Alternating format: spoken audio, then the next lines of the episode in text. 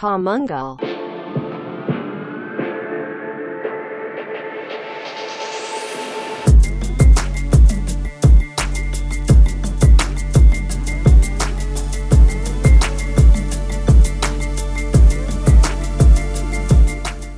יאללה, בוא נרוץ. פודקאסט המנגל, ואנחנו בפנים שוב. יוס, מה קורה? מצוין, על הכיף. מצוין, על כיפאק. הכיפאק, יאללה, בוא נטוס כמו שאתה אוהב, בלי חרטוטים וזה בהתחלה. ואיזה כיף המתארח אצל חברת Fyber, זיו אלול, מה קורה? נהדר. שנה טובה קודם שנה כל. טובה, גם חתימה טובה. מה החתימה ו- טובה? ו- וחשוב בהתחלה להגיד Fyber. כן, נכון, נורא מבלבלים, זה בעיקר לא- בעיתונות. לא נעלה את הדיון הזה, זה... לא, לא צריך לעלות את הדיון, רק להבין, Fyber. אנחנו לא בפייבר, אנחנו בחברת Fyber של זיו אלול, יזם, אחד מבחינתי מהאנשים הכי מעניינים בהייטק, וזה, תכף נבין גם למה. אה, ואנחנו אוהבים, כמו שיוסי אומר תמיד, אנחנו אוהבים אה, אנשים שעברו מסע, ולא מסע פשוט, אלא מסע של מה שנקרא boots on the ground, והאסל, ולכלוך, וטירוף, וכמו שחלק מהכתבות, אה, אתה יודע, בעיתונות הישראלית מגדירים את המסע שלך כרכבת הרים אה, מטורללת, או מטורפת, או... וכו' וכו'. אז. קודם כל, ברוך הבא למנגל, תודה על האירוח במשרדים. היפהפיים שלכם, כיף מאוד להיות שמעתי פה. עליכם רבות. אה, אה, מקווה שרק דברים רעים. בדיוק, אה, כמו. אה, אז זהו. אז, יאללה, יוס, אתה מוביל. זהו, אני, את זה אני אקח. אנחנו, למרות שיש פה כאילו איזשהו סיפור רקע, אנחנו, מכיוון שהפודקאסט שלנו הוא הכל על ערך, ערך, ערך ותובנות, ולתת לאנשים ללמוד מהניסיון של אנשים אחרים. אז uh, אנחנו יודעים שהגעת ככה לא מהעולם הזה של. ההייטק, והגעת מלמטה מלמטה, ואנחנו uh, uh, נקפוץ ככה כמה שיותר מהר עם הסיפור שלנו. אנחנו נתחיל את הסיפור, אנחנו נקפוץ כמה שיותר מהר להגיע למסע שלך התכלסי. אז שוט. וואו, מאיפה מתחילים, אתה שואל? קריית אתא. קריית אתא. כן, קריית אתא. האמת היא, קריית אתא באמת זה ההתחלה, גיל הילדות, אה, עד אה, חטיבת ביניים, תיכון. תושב חוץ בהוד ביאליק, אה, תקופה של אה, אה, תיכון בלבד, ואז גם ההורים עברו אה, עם כל המשפחה לקריית ביאליק, צבא, חיל הטכנולוגיה וההחזקה. שזה מה חימוש. שנקרא חימוש, זהו. ננסה כזה לחבר. אלופ, שזה היה זה אה. היחידה, כל החברים של אבא שלי תמיד עבדו באלופ, אני זוכר. זה- של חיל החימוש, חיל הטכנולוגיה וההחזקה, שם גם, אגב, הכרתי את עופר השותף אה, עד היום, עופר יהודאי. עופר יהודאי, שאיתי עד היום במסע. ובדרך הזו. ושם זה התחיל, עם ה... מהטנקים, מהגראז', אמרת מהלמטה, אז אה, כן. מהרמפה. ממש זה- מהרמפה, ובעצם מה, הצבא היה, היית בקריירה בצבאית, נכון? זאת כן, אומרת, מה היה עד גיל המסלול? 30. המסלול היה להיות אה, בחיל הטכנולוגיה והחזקה, כמו שאמרתי, הוא מחולק למגזר הטכני, מגזר הנדסי. כן. היינו אז במגזר הטכני, שזה היחידות אה, בשטח, אה, תקופה של אה, לימן, תקופה של אה, פקעות. אה, יחד עם אה, גדודי השריון. אה, והסיום היה בתפקיד של אה, מ"פ סדנה, היום זה נקרא מת"ם, אה, יחידה בעצם עצמאית, באזור אה, מישור אדומים, ליד ירושלים. תפקיד הליבה מבחינתי בסיום.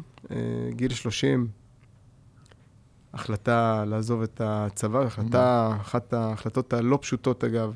אני יודע שהרבה חבר'ה כשהם בצבא, וההחלטה אם יש להישאר או לעזוב, אה, היא גדולה מאוד, אתה גם באיזשהו איזשהו מסלול של קריירה צבאית, גם גיל 30, בכל זאת הוא לצורך העניין אמצע הקריירה הצבאית, מהמם. ותוך כדי לימודים, תואר שני, שהצבא בכלל אז היה שותף להם, כן. אה, והפרויקט גמר בלימודים עסק ב, בסטארט-אפ ש, שעופר ואני בעצם אה, לקחנו אותו לדרך, וזו- הייתה ההחלטה הכי משמעותית לעזוב את הצבא. והתובנה הכי מרכזית, אגב, דיברתם תובנות כן, וערכים, היא גם מתחילה. משם.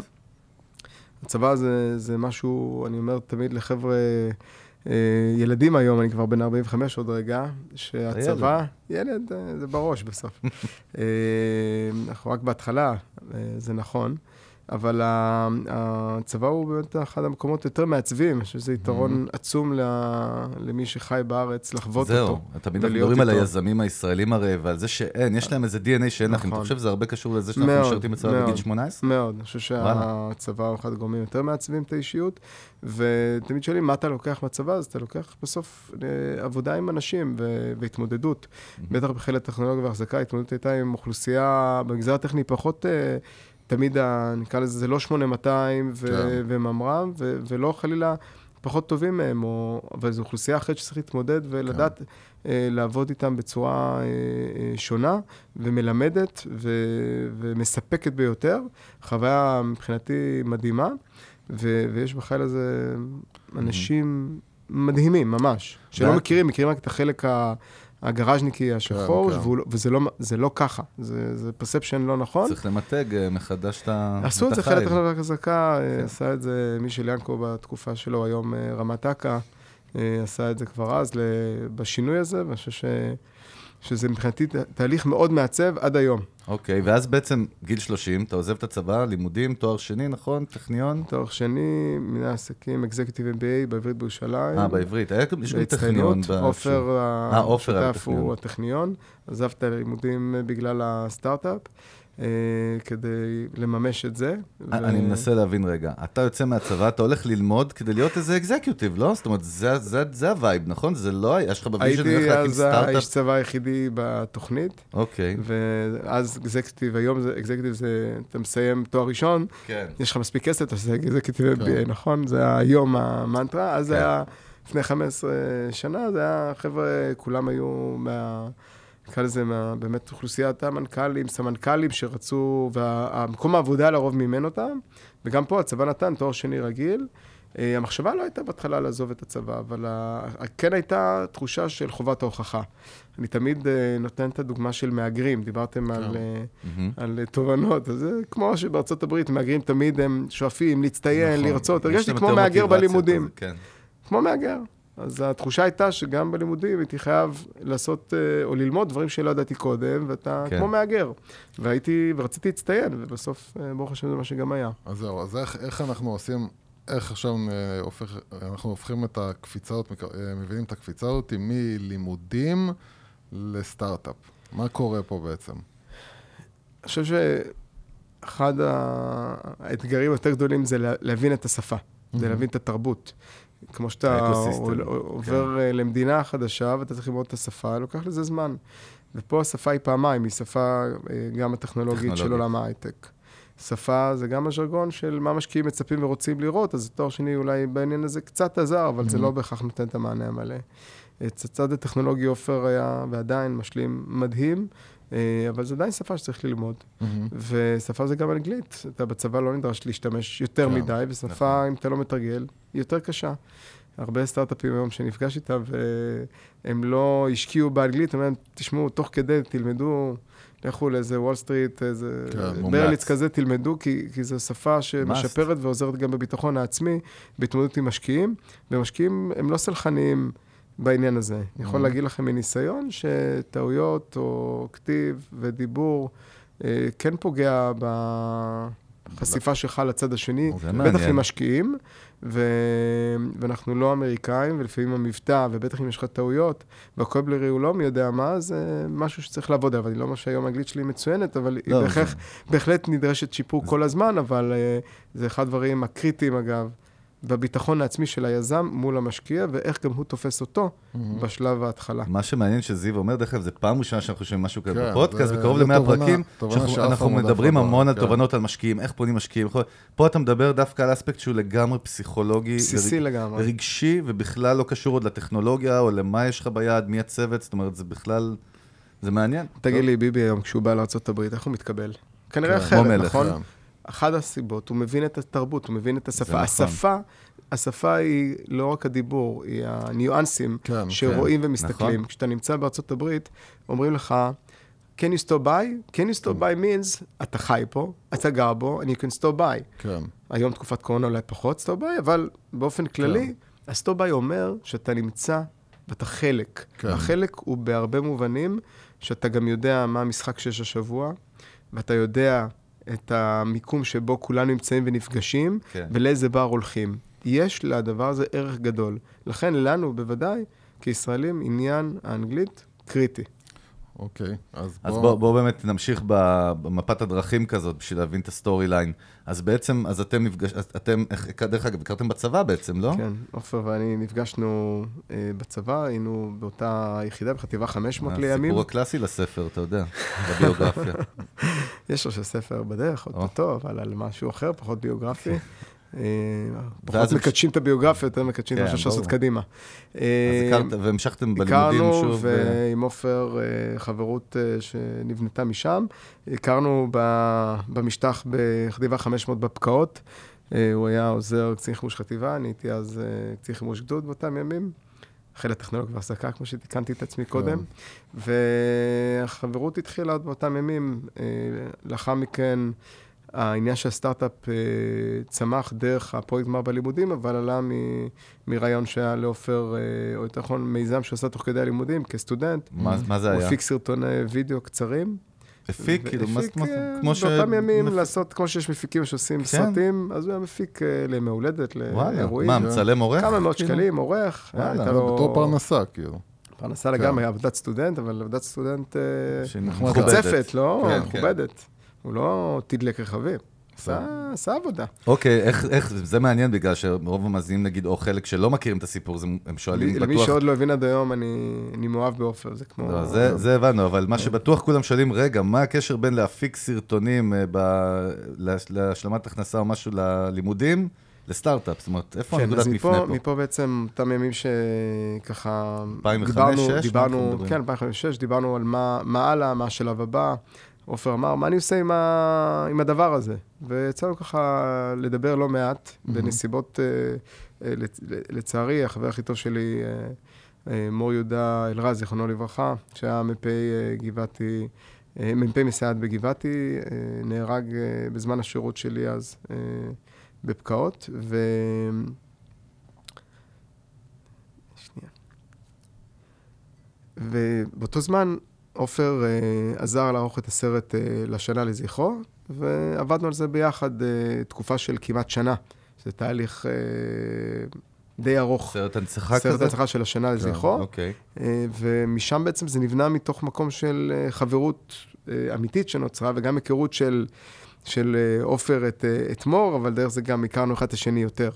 אה, ומשם נבנה משהו ערכי אה, עד היום, של חברות אה, עמוקה, bonding, bonding רציני. אמיתי, רציני, שממנו נוצרה, אז, אז איך, נוצרה, נבנ... נוצרה חברה. איך נבנה הרעיון של החברה בעצם? דרך השיחות שלנו על הפיתוח עסקי של הסטארט-אפ של עופר, שקראנו לו לא סטארט-אפ באותם ימים, אותה חברת הפקות. רגע, ו- אז מה הסטארט-אפ באמת? אני מנסה לשאול כדי לאתגר כן. רגע, מה הסטארט-אפ בחברת הפקות? יש מיליון חברות כן, הפקות. הרעיון היה אז לקחת ולמצוא, אתם, בטח המאזינים של היום, הם פחות הכירו תלוי, את יש לנו עולמות מאזינים בני ה... 40, 50, 20, 30. אז מי שמכיר את המכשירי נוקיה הישנים, 82, N82, N95, אנחנו אז מדברים היה- על אותה שנה בעצם, אז עוד לא היה סמארטפונים, רק האייפון הראשון יצא ב-2006. אפילו לא, אנחנו מדברים על אנדרואיד, התחיל, אה, אנחנו מדברים על תקופה שבכלל היה את הנוקיות עוד, הנוקיה גם 82, מסכים כן, גדולים כן, יותר, נכון, נכון, מולטימדיה, עברנו מסנייק.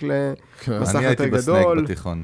אז אלוף- עברנו. אלוף התיכון דרך אגב. עברנו משם מסנייק כן, כן, למכשירים נכון. יותר גדולים, והמטרה הייתה בפרויקט הגמר לשלב אה, סרטוני פרסום באותם מכשירים, אבל משם זה התגלגל ל- לאינראקטיב מה- מהרעיון הזה. זה מעניין, כי זה כאילו דור טכנולוגי, כמו שאתה אומר, כולה 14 שנה, וזה עולם אחר אי לחלוטין. אפשר לתאר את זה. בעצם זה אי התחלה גם. של האדטק, מה שנקרא, נכון, נכון? שזה כן. כל עולם הפרסום הדיגיטלי. כל הפלטפורמות היו בהתחלה שלהם. אז אני מנסה להבין, היינו אז עם המובי, אה. זוהר לבקוביץ', שאתם מכירים כן. מה- מהכרישים היום, מהכרישים. אז את חברה שהייתה לו המובי באותו זמן, עסקה ברעיון דומה של אינגם אדברטייזינג, של לשלב פרסום בתוך משחקים. במובייל. היינו אז באותה תקופה יחד. אה, איך. הבנתם אבל שזה, כאילו, שזה הדבר שצריך לקרות? זאת אומרת, איך הבנתם שזה בכלל יכול לעניין מישהו? באותו זמן אה, לקחנו לוגיקה שעבדה ב-PC. יש, אה, בכל, בכל העולמות, בסוף הם עולמות שהם מתאחדים, אתם בטח גם מכירים ורואים את זה מעצמכם. ברור. טלוויזיה, או המסכים נקרא לזה, הם, אה, הם בסוף נהיים דומים. נכון. ורק הגודל משתנה של המסך. מהמם. ומה שאותו זמן היה מעניין לראות זה שחברות לא מעט עסקו ב in-game בעולמות של PC, ומשם הרעיון היה להביא את זה לעולם המובייל, לשלב את זה עם פרסום, לשנות את מודל ה subscription או ה download שהיה אז ידוע על ידי ה carriers, היום כן. המודל הזה כבר לא רלוונטי. כן. ומשם זה התחיל, לאחר מכן זה כבר היה... חנויות של אותם אנדרואיד ואפל, שבאו עם החנויות שלהם, ונכנסנו לזה ממקום של off portal. אז הרעיון, אנחנו בעצם, החברה השתנתה עם השוק, והתאמנו את עצמנו מעולם ה off portal קראנו של in-game advertising, לבכלל עולם ה exchange, כי הייתה נקודה, נקודה זמן מאוד משמעותית של לעבור ולעשות pivot, כמו שאנחנו מגדירים אותו, מחברת in-game advertising לחברה סקלבילית, וזה מעבר מאוד משמעותי. אבל שאלת קודם על המסע, המסע מתחיל מלגייס כסף. וזה תהליך היותר מורכב. יוסי התעורר, זהו. ויותר קשה, כי בסוף אה, יש מלא רעיונות, חבר'ה היום 81, 8200, ממ"ק, כמו שאמרתי קודם, אה, לא, לא חסר, בלי כן. להיכנס אה, לשמות, שמגיעים עם רעיונות מדהימים. לא הרבה מצליחים גם לגייס, וגם מי שמגייס לא מצליח לשרוד, ו- ופה הסטטיסטיקה, תמיד מראים רק את הסטטיסטיקה היפה והטובה, ויש גם צדדים פחות טובים שלה. והאתגר של גיוס הכסף הוא הכי משמעותי בעיניי, וללמוד את התרבות הזו, לא רק ללמוד אנגלית, גם ללמוד את התרבות של איך מגייסים כסף, mm-hmm. ואיך מביאים, והצלחנו לגייס מיליון מאה אלף דולר mm-hmm. די בשלב ראשון. אז שזה נגיד... אה, באותו זמן. איך גייסתם ו... דרך אגב? זאת אומרת... גיוס, פשוט מה שמדהים זה... שניכם לא באתם מהאינדסטרי, דרך אגב, לא נכון? זה, זה מה שמרתק. גם לא באים מהאינדסטרי וגם באים בלי ניסיון בדיוק. בכלל, כן, עסקי, זאת אומרת, כן. הוא בא מלימודים וצבא, אז זה תן לנו מהתובנות קצת, מה קרה שם? בסוף, אני חושב שמה שמשקיעים רוצים לראות זה לראות קודם כל את האנשים, את היזמים, ולהסתכל ברק בעיניים. כן. אני תמיד אומר ליזמים, האיש מכירות הכי חזק של החברה זה, זה היזמים. זאת אומרת, אתם לא יכולים לברוח מזה, ואם אתם לא משדרים את הפשן ואת האש, אם אתם בעצמכם לא מאמינים, זה לא משנה גם אם תרצו לעשות הצגה, זה לא יכול לעבוד לאורך זמן. זה או שאתם מאמינים או שלא מאמינים. ואם אתם מאמינים, אין שום סיבה שהמשקיע גם לא ידבק בזה ויאמין גם. זהו, אנחנו... וה passion מבין... הזה הוא, הוא קריטי, מאוד קריטי. אנחנו יודעים שמעבר ל passion צריכים להיות עוד כמה דברים make sense למשקיע. בוודאי. או... אני חושב שגם העניין של איך אתה אורז את זה למשקיע, okay. אוקיי. לא פחות חשוב. ה branding פה. ה branding, כן. אני חושב שזה איך, איך התוכן מונגש. Mm-hmm. יש, בסופו של יום, גם היום, יכול להגיד אחרי 15 שנים של אה, לראות את התעשייה ואת ההתהוות, לא השתנה הרבה במה משקיע מצפה לראות. כן. בפסיכולוגיה האנושית. בפסיכולוגיה, כן. הוא רוצה לראות את היזמים, הוא רוצה לראות מה ה track record שלהם, הוא רוצה לדעת מה ה vision, הוא רוצה לדעת שיש market uh, uh, מספיק מעניין, שזה market שהוא בצמיחה, לראות מה האחוז שאתה רוצה להיות מתוך ה... איזה אחוז אתה רוצה להיות מתוך סך הכל העוגה. כן. הוא רוצה לראות את המתחרים שיש, מה ה-unique offering שיש לך, הוא רוצה לראות שיש טכנולוגיה, הוא רוצה לראות שיש עומק טכנולוגי, הוא רוצה לראות שבצוות יש אנשים טכנולוגיים מספיק, mm-hmm. הוא רוצה לראות את ה-go to market strategy, הוא רוצה לראות מה תעשה עם הכסף, ולכמה זמן זה ישמש אותך, ואם יהיה תקלות, איך תתמודד, ולענות לו על השאלות האלה, וכמובן לתמוך את זה באקסל, שעונה על מספרים, על מספרים שהם הגיוניים מספיק. אם תראה חזון או חלום יותר מדי אופטימי, הוא יגיד, יש פה משהו, כן, משהו לא, לא בוסרי לא מסתדר, מדי. כן. אז, אז יש לוגיקה די ברורה למה מצפים לראות. ו... ואם אורזים את זה בצורה המתאימה, אתה אה, מביא את זה יחד עם עומק טכנולוגי. אני, אני אישית mm-hmm. חושב שבלי עומק טכנולוגי אי אפשר להסתדר. מה אתה מתכוון אה, עומק טכנולוגי? לאדג' הטכנולוגי? אני חושב שלאדג' וגם לצוות. זאת אומרת, יש לא מעט סטארט-אפים, ואני פוגש, אני מעורב, אה, גם עופר גני, בין, לדעתי, 17 סטארט-אפים שונים, בתחומים מגוונים, וללא אה, יכולת גם להסביר את הטכנולוגיה. זאת אומרת, מנכ"ל... גם אם הוא לא הטכנולוגיה, אבל אם הוא לא יודע להסביר את הטכנולוגיה, זו, זו בעיה קשה מאוד, ו- כן. ויש נטייה תמיד uh, להסתכל הצידה, וזה בסדר גמור להיות בפגישה, שניים ה-CTO, ואפילו גם היזם, ואתה רוצה לכבד אותו, ואתה רוצה לתת לו גם את המקום, אבל זה, לא, זה מעולה להעביר את השרביט ל-CTO. אה, אבל מנכ"ל, שאתה מזהה שהוא לא מבין את התעשייה שהוא נמצא בה, הוא לא מבין את הטכנולוגיה, הוא לא צריך להבין את העומק עומק, של הטכנולוגיה, עומק. אבל הוא בטח צריך להבין את הבסיס של המוצר. אם הוא לא מבין את זה, אני יכול להגיד לכם די במובהקות, כן. הסיכויים לגייס כסף הם לא גדולים. יחד עם זאת, כן. הוא לא צריך להיות ה-CTO, כן, כן. הוא לא צריך להיות הצל הטכנולוגית בחברה. צריך וחייב להיות, בעיניי לפחות, זו האמונה שלי, יזם טכנולוגי בחברה טכנולוגית. אנחנו מדברים כרגע על עולמות ההייטק, כן. חברות סטארט-אפ אמיתיות, כן. אנחנו לא מדברים על חברות אה, לקנות, למכור, אנחנו לא מדברים על business. כן, סטארט-אפים. סטארט-אפים אמיתיים. רגע, אני אגיד לך. אני אגיד לך למה אני אומר שגנבת לי את השאלה, כי באמת באת, באתי לשאול אותך, הרי יש לך עכשיו, אנחנו מכירים את זה הרבה, ויוסי ואני נתקלים בזה גם להמון חבר'ה שבאים היום מתייעצים איתנו. יש לך הרבה פעמים team שמגיע, שבאמת יש CTO קלאסי, שהרבה פעמים הוא הגה את הרעיון, ויש לך את החבר'ה שהם ה business side יותר, ויש לך את החבר'ה שהוא יכול להיות ככישרון ב creative ו marketing, וכל, כי אתה יודע, זה מתערבב בדרך כלל. אה, אז באמת, אתה יודע, שאתה אומר, בסוף צריך להיות את הטכנולוגיה, היא, ה, היא העיקר פה, בהבנה, באמת, איפה הגבול? כאילו, מה זאת אומרת? אם אני תותח בכוונה marketing, איך לחדור לשווקים, ויש לי networking מטורף, והבחור שלי פיתח משהו מטורף, והוא ה-co-founder שלי, והוא CTO קלאסי. חי את זה כל החיים שלו, גיק אמיתי. כאילו, חובה, הגיק האמיתי חובה כן. בצוות. לא, ברור שחובה. המנכ"ל שעומד מול משקיע כן. ומראה חוסר הבנה במוצר ברמה הכי בסיסית. משקיע הוא גם לא טכנולוג, הוא גם לא אותו גיק. הוא רוצה לדעת שיש אותו גיק. הוא רוצה להיות בחדר עם מישהו שמדבר שהוא לא מבין מה הוא אומר. כן. זה אפילו מרשים אותו יותר. מעניין מאוד כן. מה שאתה אומר. אבל כן. הוא מצפה מהיזם בטח להיות ברמה טכנולוגית או מוצרית מספיק כזו, שהוא רואה שיש לו ביטחון בצד השני. בלי זה, הוא מבין שהחברה, בדרך שהיא תלך בה, והיא תצטרך לעשות פיבוט, והיא תצטרך לעשות שינויים, והוא לא יבין את המוצר או את השוק או את התעשייה שהוא נמצא בה במקום מקצועי, אין שום סיבה שהוא ישקיע חד כסף. משמעית. ברור לחלוטין. אוקיי? טוב, אז בעצם אבל- יצאתם לגיוס, רגע, גם אנחנו מדלגים פה כי אנחנו, זמנך קצר היום, אז אנחנו נשתדל להכיל כמה שיותר, אבל יש, אתה יודע, בסיפור שלך יש סיכון מטורף, לקחת, נכון, את הכסף מהצבא, את הכסף האחרון שלך, ככה כתוב, אני לא יודע, אבל אה, מה שנקרא עופר all in. מכר את הפונטו. זה לא- הוא מכר כן. את הפונט, לא וואי. פונטו, כמה שנים שמעתי. את המילה הזאת בכלל. אבל באמת, מה שנקרא, מה, מה, האינטואיציה שלך אמרה לך להמר all in על הדבר הזה? הרי זה הימור, בייחוד גיל 30, אתה יודע, זה לא גיל 20 וזה כבר ראש אחר, אתה יודע, אנחנו... בוא נתחיל, בוא נתחיל משלנו, אבל ה- ההימור, ההימור הוא בהגדרה. זאת אומרת, בהגדרה קיים סיכון גדול. כשאתה מחליט להיות יזם, אתה מוכן להקרבות, לא רק לקרבות, ויש לא מעט, נכון. כן. להקרבות, הקרבות מהבית, הקרבות על הזמן, הקרבות על הכסף, הקרבות על הביטחון שלך, כי אתה יכול גם להיכשל. כן, כן. הקרבות הם כל הזמן, נגדך. כל היום. מי שלא מוכן לקחת את הסיכון, מי שלא מוכן להמר, שלא יהיה יזם, כן. חד משמעית. אבל זיו, עד איפה הסיכון? אני אגיד לך למה, פעם יוסי ונפגשנו עם אחד ה... באמת, אני חושב, האנשים הבכירים ב...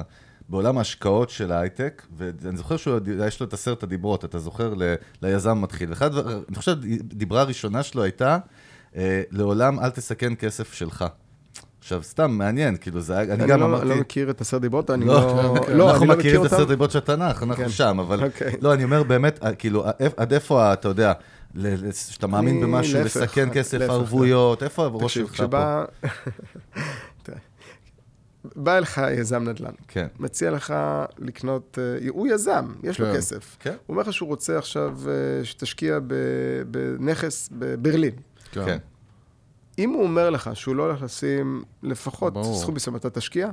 יש לו, אתה יודע שיש לו כסף. לא, זה ברור. אם הוא כל כך מאמין בזה, אז למה הוא לא שם? נכון. אף אחד לא מצפה מהיזם, אותו דבר גם פה, אף אחד לא מצפה מהיזם לקחת עכשיו ולמשכן את הבית. כן. אני חושב שההשקעה המינימלית של פיתוח מוצר הראשון, של הסיכון MVP. הראשוני, אה, הכסף של ה-Friends and Family, מה שנקרא, שהוא בתוך זה, אני חושב שהם קריטיים. אני לא חושב שהיום, בטח היום, עד, עד אז עוד שאנחנו התחלנו עוד, היה כזה דבר אה, לגייס אה, ממצגות קצת. כן. היום זה לא קיים, כן. אלא אם כן אתה בא עם טרק רקורד מטורף. אתה בא עם איזשהו רעיון, אה, אגב, צבא מהצבא שהוא משהו שהוא כבר עבד ו- כן. ו- ורק צריך לעשות לו התאמות. אין סיכוי שמישהו ישקיע כסף היום על אך ורק מצגת, אני לא רואה את זה נכון, קורה. נכון, אנחנו מדברים כן. על זה הרבה בפודקאסט, זה ולכן- נגמר עידן המפית נייר במסעדה. אז ענית כבר לבד, שבעצם חייבת להיות פה השקעה. השקעה של היזם מעצמו. הכסף זה לא הוא להיות לא רק מדוד כסף חי. בכסף, וזמן, בוודאי, זה ברור. זמן, השעות שלו הן לא כסף. כסף חייב כן, להיות כן. לפיתוח המוצר הראשוני. חייב. כן. לכן, השקעה קיימת. השאלה עכשיו עד כמה היא נמצאת. אני מסכים שאתה לא יכול עכשיו לקחת את כל הבית נכון. ולשים אותו על סטארט-אפ, וזה מה, כי אתה לא רוצה לסכן את המשפחה או את ה... אה, באופן כזה מובהק, כי אתה מוכן להכניס shareholders לתהליך הזה. לכן, פה ההבדל. חייב להיות מושקע זמן. כשאתה משקיע במשהו, אתה שם כסף במשהו, אתה גם הרבה יותר מחויב אליו. כן. ולכן אני חושב שיזם שלא מחויב, למה שמישהו ירצה להתחייב אצלו? חד משמעית, אני מסכים איתך. אז בוא נקפוץ באמת, נתקדם קדימה. בעצם, בסוף גייסתם, זה הסיפור שם נגמר טוב. גייסתם את הכסף, את המיליון מאה, נכון? והתחלתם לעבוד. כי אתה יודע, אנחנו יכולים שש שעות לדבר עם זיו רק בגלל שהוא באד-tech ו marketing ודיגיטל, כל העולם הזה כאילו משתנה כל שנייה. אז באמת בוא, בוא, בוא נקפוץ קצת קדימה, יוס. כן, בוא, בוא ניכנס לתכלס. יש לכם בעצם עכשיו חברה. אה, אתם מגייסים אה, עובדים, הכל, מה... איך זה מתגלגל? אתה מגייס עובדים, הגענו לשבעה עובדים, אה, שזה נחשב אז להרבה. כן. נותן משניים לשבעה. כשיש לך אפס, אז זה בהחלט נחשב הרבה. ו... ואז מתחילים לרוץ. מצאנו את עצמנו כל שבוע בטיסות. רוצים לשכנע agencies. לשכנע... למה לשכנע? כי היה צריך לחנך את השוק? כי זה היה כן, חדש? כן, לגמרי, ב in-game בייחוד, והיינו צריכים למצוא את ה off portals באותם ימים, עוד לפני העולמות של ה stores של אנדרואיד. לא, אתה אומר פורטל, אני בכלל אתה זורק אותי למקומות... בג'ורנו, כן. זד, היו אז פורטלים, off portals. וכן, פורטלים אחרים, אתה מכיר אולי, אבל... זה, אני דיברתי על משהו אחר, כן. ואותם ימים, זה באמת, היינו צריכים לשכנע שני הצדדים, את ה... נקרא לזה הצד של distribution, mm-hmm. ואת הצד של ה-demand, וגם את יצרני האפליקציות, ה gaming אז, בכלל להיות מוכנים למודל כן, הזה. ביצה ותרנגולת. יש פה כמה שהיה צריך לשכנע ואותו חינוך שוק. אז היינו כמעט כל שבוע על מטוסים. היינו באנגליה, לקחנו אפילו מישהו שיעזור לנו באנגליה. להביא לנו ברנדים, הפגיש אותנו עם הברנדים, והיו לנו כאלה ברנדים, mm-hmm. קלווין קליין, אדידס, פפסיקו, חבר'ה רציניים, M&M, היינו בספרד. איך אתם מגיעים בעצם, כן. אפילו אם יש לכם איזשהו ברוקר כזה שמביא אתכם, עדיין, כאילו, מי אתם? זהו, אתם עוד לא ברנד, ואתה מדבר על ברנדים שהם צריכים בטח איזשהו ביטחון. אז הנה, דיברנו על גיא בנדוב, למשל, בעולם הגיימינג שאז בדאבל פיוז'ן, שחיבר אותם לאדם מקסים בשם נועם, אה, שעבד אז בדאבל פיוז'ן, והוא חי אז באנגליה, והוא חיבר אותנו למישהו שלישי, ולחבר שלו דייב הומפ, שהוא עד היום, אגב, אחד הבכירים לדעתי בקראת העולמית היום, אני מדבר איתכם 15 שנה אחרי, כמעט נפגשנו בכאן השנה, שהתבטל כן. לאור uh, הקורונה, אז, אז אני אומר, העולם, העולם הוא כזה שהנטוורק אפקט הוא קריטי. הוא קריטי להצלחה. והנטוורק, אם, אם לא מעריכים אותו מספיק, או לא מבינים אותו מספיק, זו בעיה. ובסוף דיברנו על הצבא, נחזיר כן. אתכם שנייה לתחילת הרעיון. מה, מה זה הנטוורק אפקט? בסוף זה אנשים. כן. אנשים זה אנשים בכל מקום. אז כל עוד אתה מבין את הערך של אנשים ב network effect, זה עובד. ופה זה הכיר את זה, שהכיר את השלישי, שהכיר את הרביעי, ופשוט הם עזרו כי הם רצו לעזור, ולפעמים זה לא בשביל כסף, mm-hmm. לפעמים זה לא בגלל אופציות או להיות advisory board, לפעמים אנשים טובים בדרך שבאמת רוצים לעזור. אז זאת אומרת, העניין הזה של לייצר קשרים ו networking, הוא משמעותי זה... מאוד. כן, אני חושב, אני חושב שיזמים בלי היכולת לייצר את הנטוורק אפקט, ורק עם יכולת טכנולוגית, אה, לא כן. אני חושב שזה סוג של נכות. זאת אומרת, זה ממש... נכות ב... הנכות שאני מדבר עליה היא בהיבט של היכולת להצליח, כי בלי זה, זה קשה. אז או שתביא סביבך. בדיוק. אה, אנשים כאלה שיעשו את כן. זה עבורך. כל אחד יש את החוזקות שלו בפאונדר. ויש כאלה שעושים את זה. ואגב, לי יש נכות בתחומים מסוימים, אבל אתם מודעים אליהם, וזה אחד משלים את השני. זה כמו אצלנו, יוסי שונא כל מה שאני... אבל זהו, זה ממש, זאת אומרת, זה ממש ממש ממש חשוב, מה שאתה אומר זה... להשקיע את הזמן הזה ולהכיר אנשים ולהתחבר עם אנשים. ברמה אישית ו... אנושית, כאילו. תראו, יש משפט שאני, וזה לא פה שיעור תורה ולא תורני, ואני לא, לא באתי עם הכובע הזאת. אין עוד אתה, אין עוד אתה. לא, אני ממש, לא, אני באמת לא בא משם. יש אה, ברכה שאני מאוד אוהב, ואני מדבר איתה תמיד עם חברים. תמיד אומרים, יש ברכה, זה נקרא ברכה אחרונה, אומרים וחסרונן על כל, ש... על כל מה שבראת. מה זה נכון. חסרונן? החיסרון, אתה, אתה מברך על החיסרון של הבריאה. כלומר, אם לא יהיה חיסרון בכל אחד, וכל אחד איתנו לא יהיה חסר, ולא לא נצטרך אחד את השני, כן. אז גם פה, אתה חסר במשהו, אתה משלים את זה ממישהו אחר. החיסרון הוא בעצם היתרון, כי ההשלמה מגיעה מזה שאתה מביא לעצמך בצוות שלך, בהנהלה שלך, ת... כיזמים, כן. לא, אני לא כחברה, אני מבין כבורד, את... תמיד. אני מבין את הקטע הזה של להשלים בצוות. אני מדבר עכשיו אה, אה, בתור... להשקיע את הזמן הזה בנטוורקינג. לא, הוא אמר, אומרת, הוא אמר, בטח כל, שכן. כל הזמן ללכת, להכיר אנשים, לפגוש אנשים, לשמר קשרים. חייב. אם אתה לא עושה את זה, אה, אתה לא יודע גם מה קורה סביבך. חלק מהתהליך הזה של הנטוורק אפקט, הוא גם עוזר לך להבין מה קורה בתעשייה שלך. זה עוזר לך להבין על המתחרים שלך. זה עוזר לך דרך, אפילו לעשות ארוחת ערב עם, עם מישהו שמספר לך על הדרך, דברים שלא ידעת. כן. הרי הרבה פעמים אומרים ליזמים, כשהם הולכים ל- לכל מיני investment banking, הם, הם יודעים הכל. למה? כי כולם מספרים להם הכל, אז הם שומעים מזה, ושומעים מזה, ושומעים כן. מזה. והם יודעים פשוט מאחד מהשני, אותו דבר יזם. הוא לא צריך להיות עסוק אך ורק בזה, אבל לא לעשות את זה, לא- או לא להשקיע באאוטבאונד, זה חיסרון מאוד גדול. הייתי בהרצאה של אחד הפרופסורים אה, הגדולים מארצות הברית לפני אה, מספר חודשים באילת, כשעוד היה אפשר, אה, אה, בכנס שארגנו דרך ה-YPO, אני חבר בארגון YPO אה, העולמי, זה ארגון אה, Young אה, אה, President Officers, שזה מנכ"לים, אה, אה, chairmans, גלובלי, אגב, Network Effect, כן. ש-29 אלף חברים בכל העולם, וה... ועשינו רק לצ'פטר הישראלי. אותו פרופסור אמר, אחד, אחד המקומות שנכשלים בהם מנכ"לים, יזמים, זה עיסוק אך ורק בפנימה ולא בחוצה. זאת אומרת שאתה עסוק כל היום באנשים שמדווחים אליך, מהמם. במקום להיות עסוק בחוץ. ומנכ"ל שעסוק בפנים, סיכויי ההצלחה של החברה, וזה סטטיסטיקות, כן. סיכויי ההצלחה של חברה שעסוק, שהמנכ"ל עסוק אך ורק פנימה, קטנים יותר ממנכ"ל שעסוק בחוץ. כשאתה עסוק במה שבחוץ, ההצלחה שלך יותר גדולה. איפה זה בא לידי ביטוי אצל יזמים? על מה סטארט-אפים הרבה פעמים נופלים? על זה שהם מפתחים מוצר יפהפה, מדהים. בעיני רוחם. כשהם צריכים לצאת איתו פתאום לשוק, בדיוק. הם מבינים שהשוק רואה את זה אחרת, עכשיו- אז למה אתה לא כן. עושה את זה מההתחלה? אחת השאלות הקריטיות, מי זה ה design partner שלך? אחד הדברים שאני שואל כל יזם, מי זה ה design partner שלך לפיתוח המוצר הראשון? הוא קיים? הוא אמיתי? אתה הבאת בעצמך שני מפתחים לדמות לך? אנחנו לא בעולם מדומה. תמצא את ה design partner הזה. כשאתה אומר דיזיין פרטנר, דרך אגב, למאזינים שלנו שהם לא טכנולוגיים, ויש המון כאלה יזמים שהם לא מ tech, מה הכוונה תמצא design design partner, partner? באת עם מוצר, תמצא לקוח אמיתי, או. שגם לא משלם כסף, להריץ איתו פיילוט אמיתי. אנשים שאתה אמיתי- מגדיר כן, KPI אמיתי. כן, בדיוק. ואתה לא מייצר לעצמך עולם של דימויים. בעולם של דימויים, אתה לא תצליח אחרי זה להבין מה חסר לך ומה כן, הבעיות ומה. לא עובד. לכן חייב design partner. שותף, לקוח פוטנציאלי, גם אם הוא לא משלם בהתחלה, שיעזור לך לפתח את המוצר, לזקק אותו, לדייק אותו, כדי להצליח איתו. מעולה. טוב, בוא נתקדם קדימה באמת. אה, אחד, אחד הדברים הקריטיים שקרו בחברה, בעצם לפני המכירה לפייבר, שבעצם פייבר זה החברה שקנתה אתכם, נכון? זה ה brand של החברה הרוכשת. נכון. למרות שזה ה-DNA, זה- לקחנו אליהם אותו, שלנו כבר, נכון? אה, לא יודע, סתם אמרתי את זה, יוסי. תקריא דיפלומטית בדרך. כן. בקיצור, אה, אה, אחד הקטעים שקרו, אני זוכר, מה שקראתי באמת, שהיה איזה pivot שמה שנקרא המשקיעים הראשונים לא כל כך זרמו איתו, נכון? החלטתם שאתם עושים pivot עם מוצר בעצם, מה, מה, מה, מה היה שם בעצם ולמה?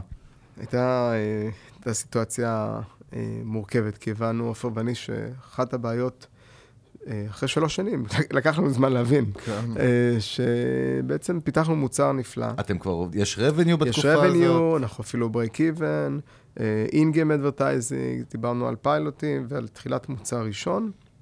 אפילו בארץ התחלנו לעשות סוג של commercial, עם תנובה, עם אוסם, חוויות אגב מדהימות, אבל בסופו של יום העסק לא סקלבילי. מהמם. אתה, הבנו שכדי לייצר הכנסות, צריך לגשת לצד שני וצד שלישי, לשכנע, להגיד, זכוכית. לשלוח.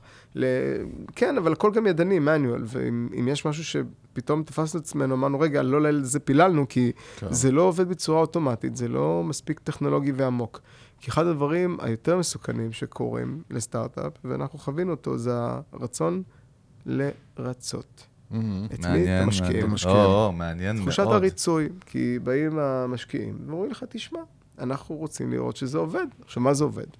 משקיעים אמריקאים, אם עכשיו אנחנו בארצות הברית, מה שמעניין אותם זה אך ורק scale. תראה לי distribution. מהמם. עיין ערך פייסבוק, עיין ערך ווייז ועוד רבים אחרים. כשאתה בא ליזם ישראלי עם משקיע ישראלי, מה שני הצדדים רוצים? להראות שזה עובד. שזה. מייצר כסף. איזה, איזה הבדל בתפיסה. זה עד כדי כך, זיו? תפיסה תהומית, וואו, לחלוטין. מעניין. היום זה קצת יותר מתקרב, כי תקופות של חסר כמו עכשיו, עם קורונה ומשברים, מייצרים אולי קרבה בין העולמות של ההבנה, שמצפים לראות גם הכנסות בדרך. כן. זה משתנה קצת עכשיו, כן? אבל אני יכול להגיד שהפערים עדיין קיימים, וזו תפיסה ממש עולם. כשאתה בא לארה"ב וכשאתה מגישים לך את הצלחת, היא קטנה או גדולה? ענקית. כן. זוכר, כן. ענקית, אחר נכון? כמויות. אותו דבר גם פה. הם יזרקו עליך כסף, ישפכו כסף על החלום. תראה להם distribution, ישפכו עליך עוד יותר כסף.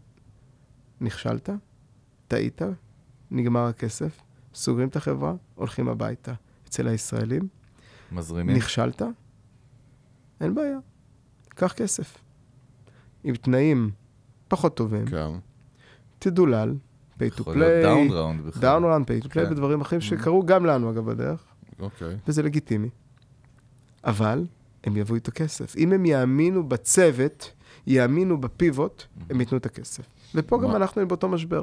מה אתה יותר... אה, זו שאלה קשה, האמת, אולי לא כן. נכונה, אבל... איזה זה- איזה כל- גישה יותר יש- נכונה. כל השאלות נכון נכונות. בכלל, לא. אולי התשובה תהיה לה נכונה, שאלות תמיד נכונות. נכון. זה מה שלימדו אותנו בבית ספר, לא, לא? אין פה בעצם נכון או לא נכון. יש. פה הבדלים בתפיסה, זה מה שיש פה. זו תפיסה. פשוט אחרת, אבל... זהו, אבל יש לזה השלכה לגבי? העתיד של ה ecosystem של התעשייה. יוסי, כמה חברות אמריקאיות אתה רואה ב scale, כן. וכמה חברות ישראליות אתה רואה ב scale. אחת הטענות על ה- אה, על התרבות בעיה, הישראלית, שה scale שלנו מוגבל, נכון. שאנחנו אנחנו מעבדה. כן, נכון. נכון? עכשיו, זה משתנה אגב, כי היום היזמים הם בסיבוב שני או שלישי או רביעי, הם כבר חושבים בגדול. אוקיי. והתעשיות משתנות, הם יושבים פה משתנות, לא רחוק נכון? מאיתנו, Payoneer, חברה מדהימה, נכון? חברה גדולה, אתם כן. רואים?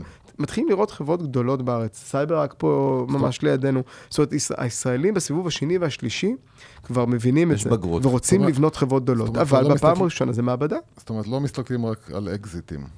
היום כבר לא. כן. היום כבר לא. ולכן אני אומר, בגישה האמריקאית, בואו נבנה חברות גדולות, בואו נבנה אותן בענק, Mm-hmm. קחו כמה כסף שאתם רוצים, אבל אנחנו לא סלחנים לכישלונות.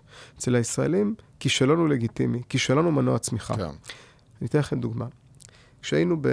עם ההבדלי תרבות עם החברה הגרמנית, ו... ולא לא התגלש לך כלום, אל תדאג. התרבות היא שונה. והגרמנים בתחילת הדרך אמרו משהו מאוד נכון, ואני לא אומר את זה לרעה. Mm-hmm. אמרו, אנחנו לא רגילים שמאפשרים לנו לשאול שאלות ומאתגרים את ההנהלה.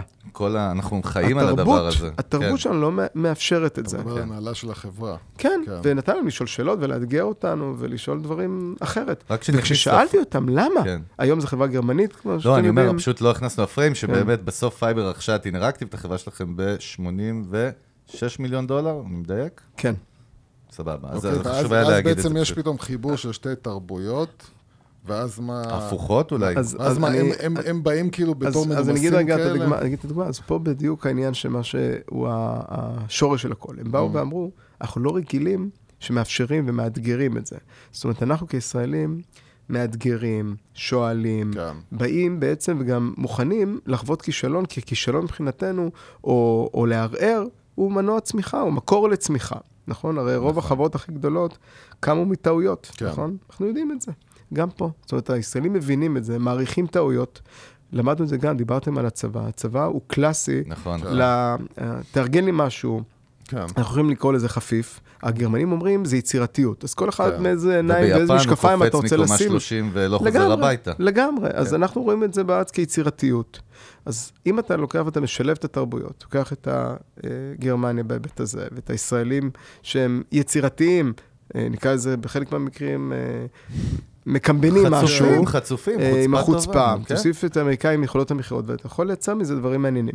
איך הגענו לזה? Mm-hmm. הגענו לזה שבעצם החברות הישראליות, היצירתיות פה, והיכולת להיכשל וליפול, היא גם נטועה בתרבות שלנו, ולכן גם המשקיעים מוכנים לקחת את הסיכון כל עוד הם מאמינים בסיפור הבא, כל עוד היזמים הם כאלו שמאמינים בהם, והמשקיעים מאמינים ביזמים. אז זו שאלה חשובה, אני אגיד לך למה. בא עכשיו, באו, בא, באים שתי קו-פאונדרים, הקימו חברה ראשונה, התרסקה. הקימו חברה שנייה, התרסקה.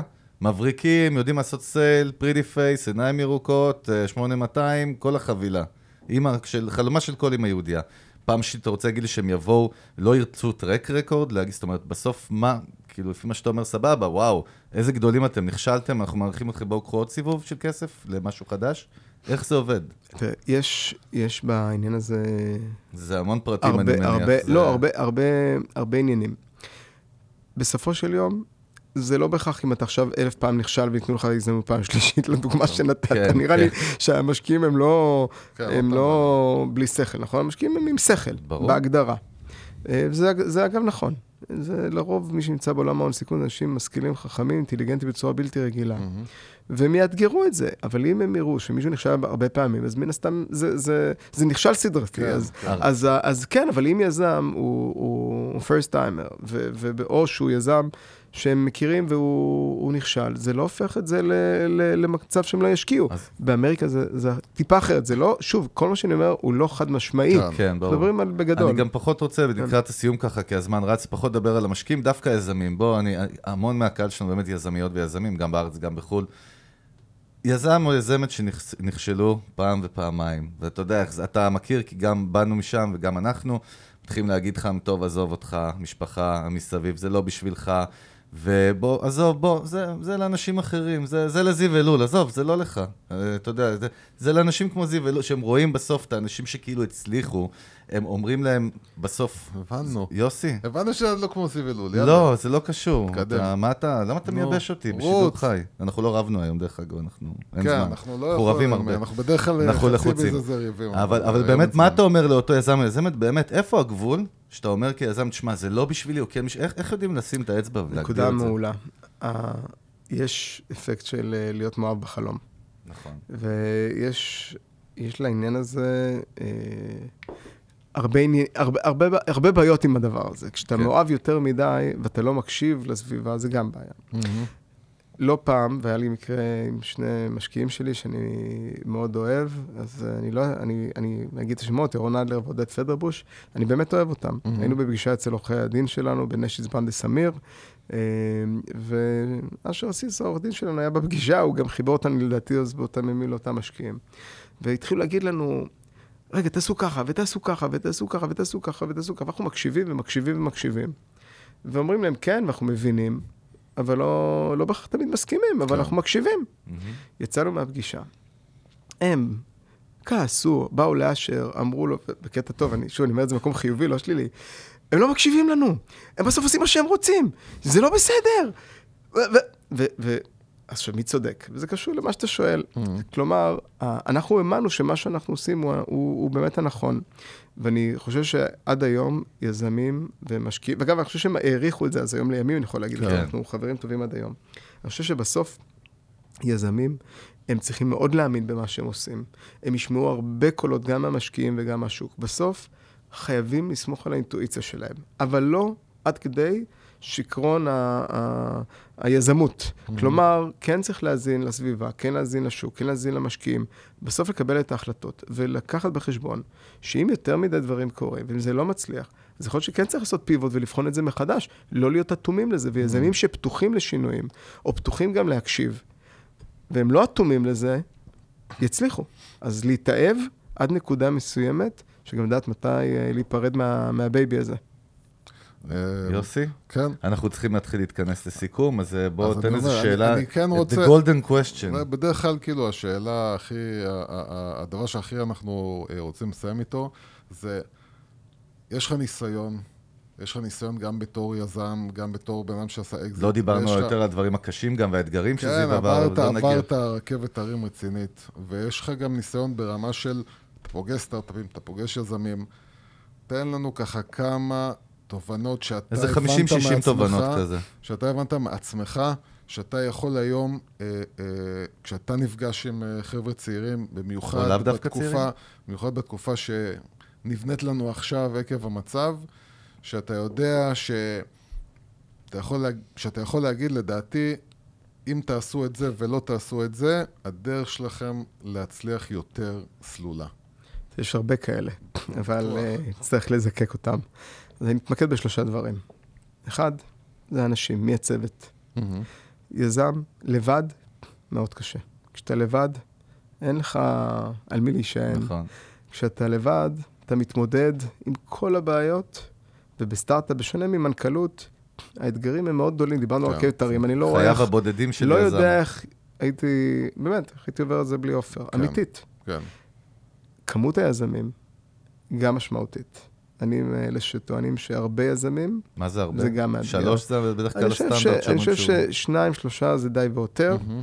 אה, מרבית המקרים שיש? יש, יש גם יותר. וואלה. אה, אבל ההמלצה שלי שניים, שלושה, אני אפילו, אני אגיד יותר אפילו שניים מאשר שלושה, וזו האמונה שלי. אבל אני אומר, לא מעבר, ויש כן. גם מעבר, ולרוב זה מייצר אתגרים אה, שהם לא בריאים. הם- הם לא בריאים בכלל ויכולים לחרב את החברה. אוקיי, מה עוד? באותו הקשר של אנשים, זה גם האגו. לשים את האגו בצד. זה דבר מאוד משמעותי, מאוד דר- דרמטי בכל התהליך, לא רק ביחסים של היזם עם, ה... עם יתר האנשים. האגו, אם הוא תופס יותר מדי מקום בחדר, החברה לא תצליח לצמוח, כי הריבים הפנימיים, או ריבים עם משקיעים, או ריבים עם השוק, לא יקדמו את החברה לאף מקום. כן. הדבר השלישי זה טכנולוגיה. לשים לב לשוק, לשים לב לתעשייה, לראות שהמוצר הוא באמת ייחודי, להבין שבונים חברה טכנולוגית עם עומק טכנולוגי מ-day one, לא לרוץ אך ורק להכנסות בשלב הראשון, לפתח מוצר שהוא אמיתית עובד, רגע לפני שעושים את זה, ולעשות את התיאום ציפיות הזה עם המשקיעים, ובאותה נשימה, שיהיה בצוות גם אנשים טכנולוגיים מספיק, ועם מוצר ראשוני שיאפשר לחברה לגייס את הכסף הראשוני, ולא רק עם חלום. מה עם bootstrap דרך אגב ככה? מה דעתך על bootstrap? תמיד אנחנו שומעים על זה מאוד מאוד דעות אה, שונות, שזה מעניין, מאנשי עסקים ויזמים שקשורים ל tech. אני? חושב, אני מאוד מברך על זה, שזה מצוין. אני חושב שזה גם אפשרי, כי אני שאלתי מישהו שדיברת איתו אתמול, אני לא יודע מה אתה מדבר, איך אפשר בלי, זאת אומרת, איך אפשר לעשות bootstrap משהו היום, שכולם רוצים שתכבוש מהר שווקים ונתחים ו... אני חושב שזה אפשרי, ואני רואה כן? גם דוגמאות כאלה. וואלה. אה, אם זה אפשרי, בוודאי שזה עדיף. אה, אתה רואה את זה לרוב, אגב, עם יזמים שזה לא הפעם הראשונה, את, ה, את ההקשרים האלה, כי כן. הם חוו, חוו, ו- חוו כן. דברים בחיים, ולרוב זה מה שקורה. מעניין. אה, אז זה, אני ממליץ על זה בפעם השנייה או השלישית, אה, לא מיד בפעם הראשונה, אבל זה ככה מה- מה- two cents שלי. זה לא כן. מה שאני צודק. היום, דרך אגב, אתה CEO, זאת אומרת, מכהן כ-CEO בעצם ב Fyber, נכון? כן. ויש לך משרדים בכלל all over the place, ככה דיברנו. יש. בישראל, לונדון, ניו יורק. אה, סן פרנסיסקו, סיול, אה, בייג'ין. כמה עובדים אתם? גלובלי, וכמובן ישראל, כן. מן הסתם. פה פתח תקווה. ואיך זה לנהל ככה את החברה? זאת אומרת, היום אתה מדהים, מרגיש במקום מקום נוח? מדהים, אני כל יום, אני באמת אה, נהנה, ומברך על כל יום ויום, אה, כי זה באמת תענוג לעבוד בעיקר עם אנשים. אתה בא להיות עם צוות מנצח. אין הרגשה יותר טובה מלעבוד עם אנשים שאתה אוהב לעבוד איתם, שאיתם אתה יכול לצאת למסע הזה. אתה רוצה להיות עם אנשים, ושאלת על הטיפים כשאמרתי אנשים, Mhm. אנשים שבהתחלה יודעים גם לקחת אותך מלמטה למעלה, גם אנשים שיקחו אותך מלמעלה לעוד יותר למעלה. כן. ו- ופה היכולת הזאת לעבוד עם אנשים מכל הסוגים האלה, הם אלה שמביאים את ההשראה ומאפשרים את התקווה לחברה עוד לצמוח לגבהים הרבה יותר גבוהים אה, בהמשך. טוב, אה, לא נותר לי אלא להגיד אחלה, ו- כן, והיה באמת. כיף. וזיו אה, ממשיך פה לתזז ולהתרוצץ בזום בין ארצות אה, למיניהם בגלקסיה, אין יבשות. בין יבשות. אז באמת, קודם כל אנחנו רוצים להודות לך ול Fyber ולצוות הנפלא שלך, שבאמת גם דאג לארח אותנו, באמת, אנחנו מרגישים לא במשרד, אנחנו מרגישים בבית. כן. כמעט שתיתי פה את היין או את הוויסקי, עוד לא הצלחתי לשלוף יד בלי שתראה. אז באמת תודה, ושיהיה המון. בהצלחה, ותנו. בראש, מה שנקרא, אם אנחנו חוצפנים וישראלים, אז זה הברכה, גרמנים בטוח לא אומרים כזה דבר סוף פגישה. אה, ובאמת רוצים להזכיר לכל המאזינים שלנו שהפרק עם זיו, אה, חברת Fyber וכל הפרקים האחרים של המנגל נמצאים גם ביוטיוב, בווידאו, וגם בכל אפליקציות הסטרימינג כמו תמיד. תמשיכו לכתוב לנו, לדבר אלינו. תודה רבה לכם. תמשיכו להצליח. תודה זיו, תודה, שתהיה לכם. שנה תודה טובה רבה. ומבורכת. שנה טובה. אמן. בקרוב במשרדים שלכם בסיאול. אמן. ביי. תודה רבה. ביי. שנה טובה.